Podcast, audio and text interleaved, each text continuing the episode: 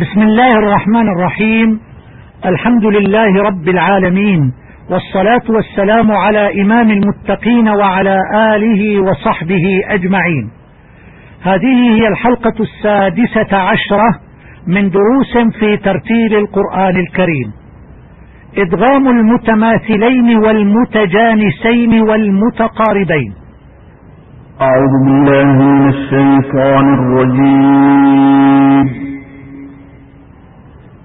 أينما تكونوا يدرككم الموت ولو كنتم في بروج مشيدة في الآية الأولى نجد أن الكاف الأولى الساكنة في يدرككم قد أدغمت في الكاف الثانية فأصبحت حرفا واحدا مشددا. وهذا الإدغام يسمى إدغام متماثلين لأن الحرفين تماثلا أي اتحدا مخرجا وصفة. ومثله اذهب بكتابي في قلوبهم مرض قل لهم أعوذ بالله من الشيطان الرجيم. يا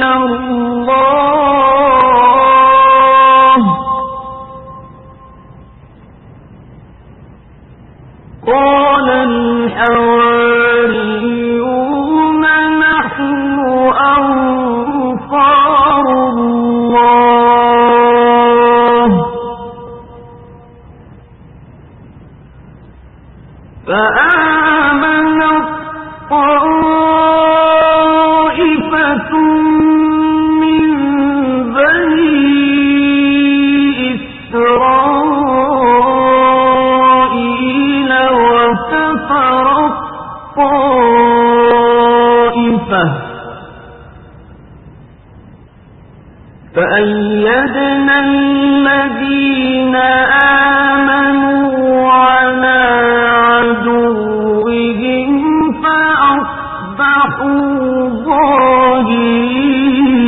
ظاهرين وفي الآية الثانية نجد أن التاء الساكنة في فآمنت قد أدغمت في الطاء المتحركة ونطق بهما حرفا واحدا مشددا من جنس الثاني ويسمى هذا الإدغام إدغام متجانسين لأنهما تجانسا أي اتحدا مخرجا واختلفا صفة.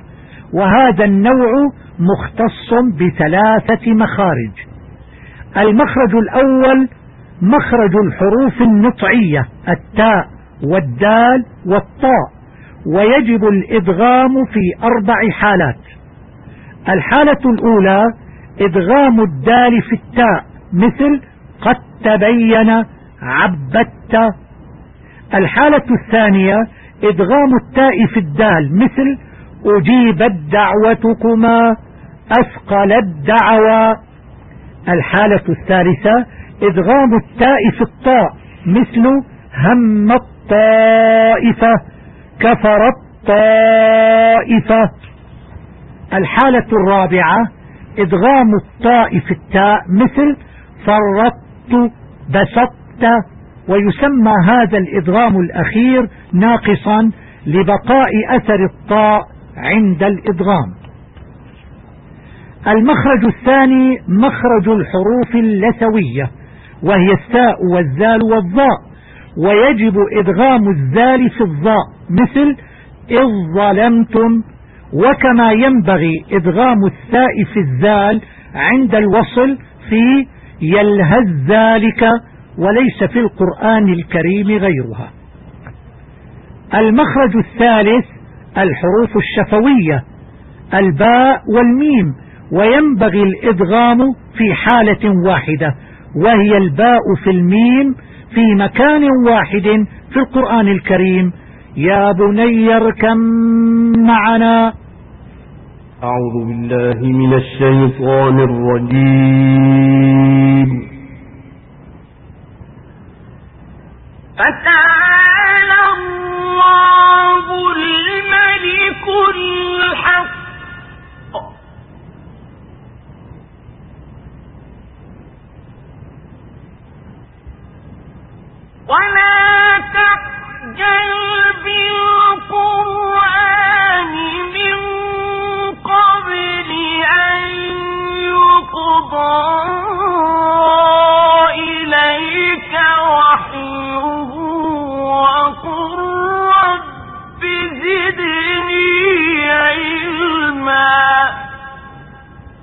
أما في الآية الثالثة وقل رب زدني علما فقد أدغمت اللام الساكنة في وقل في الراء المتحركة في كلمة ربي ونطق بهما راء مشددة ويسمى هذا الإدغام إدغام متقاربين وذلك لأن الحرفين تقاربا مخرجا واختلفا في الصفة وهو نوعان.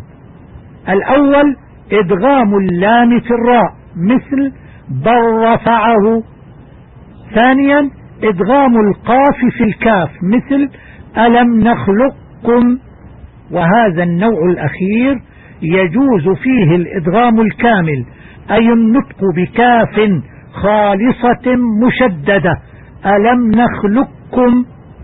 ويجوز الإدغام الناقص بحيث يبقى أثر للقاف وهو التفخيم. ألم نخلقكم الخلاصة. إدغام المتماثلين هو أن يتحد الحرفان مخرجا وصفة. ثانيا إدغام المتجانسين هو أن يتفق الحرفان مخرجا ويختلفا صفة. ثالثا إدغام المتقاربين هو أن يتقارب الحرفان مخرجا ويختلفا صفة. التدريب. ما إدغام المتماثلين؟ الجواب. إدغام المتماثلين هو إدغام حرفين اتحدا في المخرج وفي الصفات. مثل اذهب بكتابي. السؤال الثاني ما أنواع إدغام المتجانسين؟ اذكر مثالا لكل نوع. الجواب المتجانسان هما حرفان اتحدا في المخرج واختلفا في الصفات. أنواعه أولا إدغام الدال بالتاء مثل ومهدت ثانيا إدغام التاء بالدال مثل أثقل الدعوى. ثالثا إدغام التاء بالطاء مثل فآمن الطائفة رابعا إدغام الطاء بالتاء مثل فرطت. خامسا إدغام الثاء بالزال مثل يلهز ذلك. سادسا إدغام الزال بالضاء مثل إذ وأخيرا إدغام الباء بالميم مثل اركم معنا. السؤال الثالث لماذا سمي إدغام المتقاربين بهذا الاسم؟ الجواب المتقاربان هما حرفان تقاربا في المخرج واختلفا في الصفات. السؤال الرابع ما نوع الإدغام فيما يلي. عصوا وكانوا. بل رفعه. اركم معنا. الجواب عصوا وكانوا إدغام متماثلين. بل رفعه. إدغام متقاربين. اركم معنا. إدغام متجانسين. السؤال الخامس اذكر أمثلة متنوعة لإدغام المتماثلين. الجواب اذهب بكتابي إدغام الباء بالباء في قلوبهم مرض إدغام الميم بالميم ويلاحظ بأن إدغام الميم بالميم يحتاج إلى غنة بمقدار حركتين ومثله لهم ما يشاءون. من نار إدغام النون بالنون وهذا أيضا يحتاج إلى غنة لأن النون من حروف الغنة. السؤال السادس هل هناك إدغام في كلا بل رانا الجواب المفروض عند الوصل أن يكون هناك إدغام متقاربين مثل وقل رب. أما هنا بل رانا هناك سكتة لطيفة على اللام ولا يوجد فيها إدغام وهي أحد الأماكن التي يسكت فيها على الحرف وسنذكرها مستقبلا إن شاء الله تعالى. الوصية لأن يهدي الله بك رجلا واحدا خير لك مما طلعت عليه الشمس.